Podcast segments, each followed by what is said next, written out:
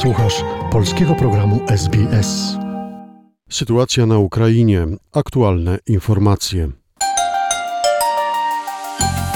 Siły ukraińskie zaatakowały platformę wiertniczą na Morzu Czarnym, należącą do krymskiej firmy naftowo-gazowej w drugim takim uderzeniu w ciągu tygodnia. Platforma jest obsługiwana przez firmę, którą wspierani przez Rosję urzędnicy przejęli od ukraińskiego narodowego operatora gazowego po tym, jak władze Moskwy zaanektowały Krym w 2014 roku. Krymscy urzędnicy twierdzą, że trzy osoby zostały ranne, a siedem zaginęło po ukraińskim uderzeniu w zeszłym tygodniu tygodniu. W porannym ataku rakietowym na Kijów jedna osoba zginęła, a sześć zostało rannych. Rakiety trafiły w budynek mieszkalny i przedszkole. Burmistrz Kijowa, Witalij Kliczko, mówi, że mieszkańcy są ratowani i ewakuowani.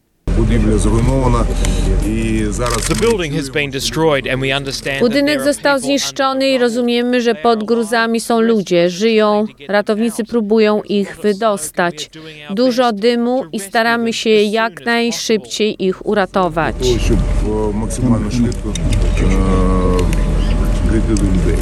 Sygnalizatory przeciwlotnicze regularnie zakłócają życie w Kijowie ale od 5 czerwca nie było większych uderzeń w miasto, kiedy na przedmieściach atak miał miejsce na zakład naprawy wagonów kolejowych. Wcześniej, pod koniec kwietnia, podczas ostrzału, producentka Radio Liberty zginęła podczas uderzenia w budynek, w którym mieszkała. Prezydent Ukrainy Władimir Zeleński zaapelował do Białorusinów, aby nie dali się wciągnąć w wojnę przeciwko jego krajowi W cowieczornym wystąpieniu zaznaczył, że Moskwa jeszcze intensywniej niż na początku inwazji na Ukrainę stara się zaangażować Białoruś w agresję na południowego sąsiada. W Kremlie za was już wszystko решили. Wasze życie dla Kreml zadecydował już o wszystkim za was. Wasze życia są dla nich nic nie warte.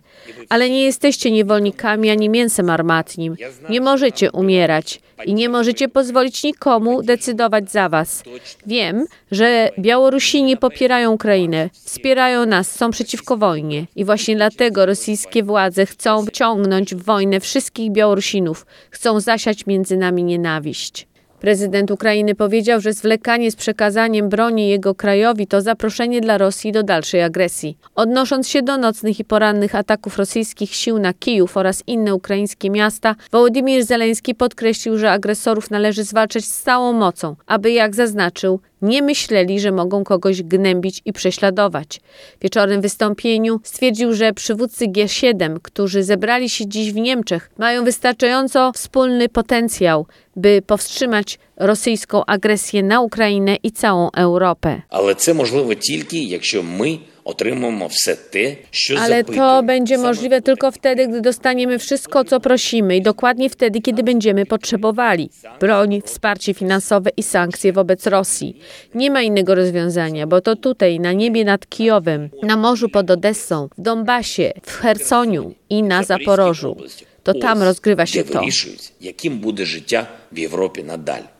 Od początku wojny prowadzonej w pełnej skali Rosja straciła na Ukrainie około 34 850 żołnierzy. Sztab Generalny Ukraińskich Sił Zbrojnych poinformował, że podczas wczorajszych działań militarnych zginęło 150 Rosjan. Od 24 lutego ukraińska armia zniszczyła 1532 rosyjskie jednostki i 3659 transporterów opancerzonych. Rosja straciła 764 systemy artyleryjne i 243 wiele wieloprowadnicowe systemy rakietowe, a także 99 systemów obrony przeciwlotniczej i 2564 pojazdy wojskowe oraz cysterny.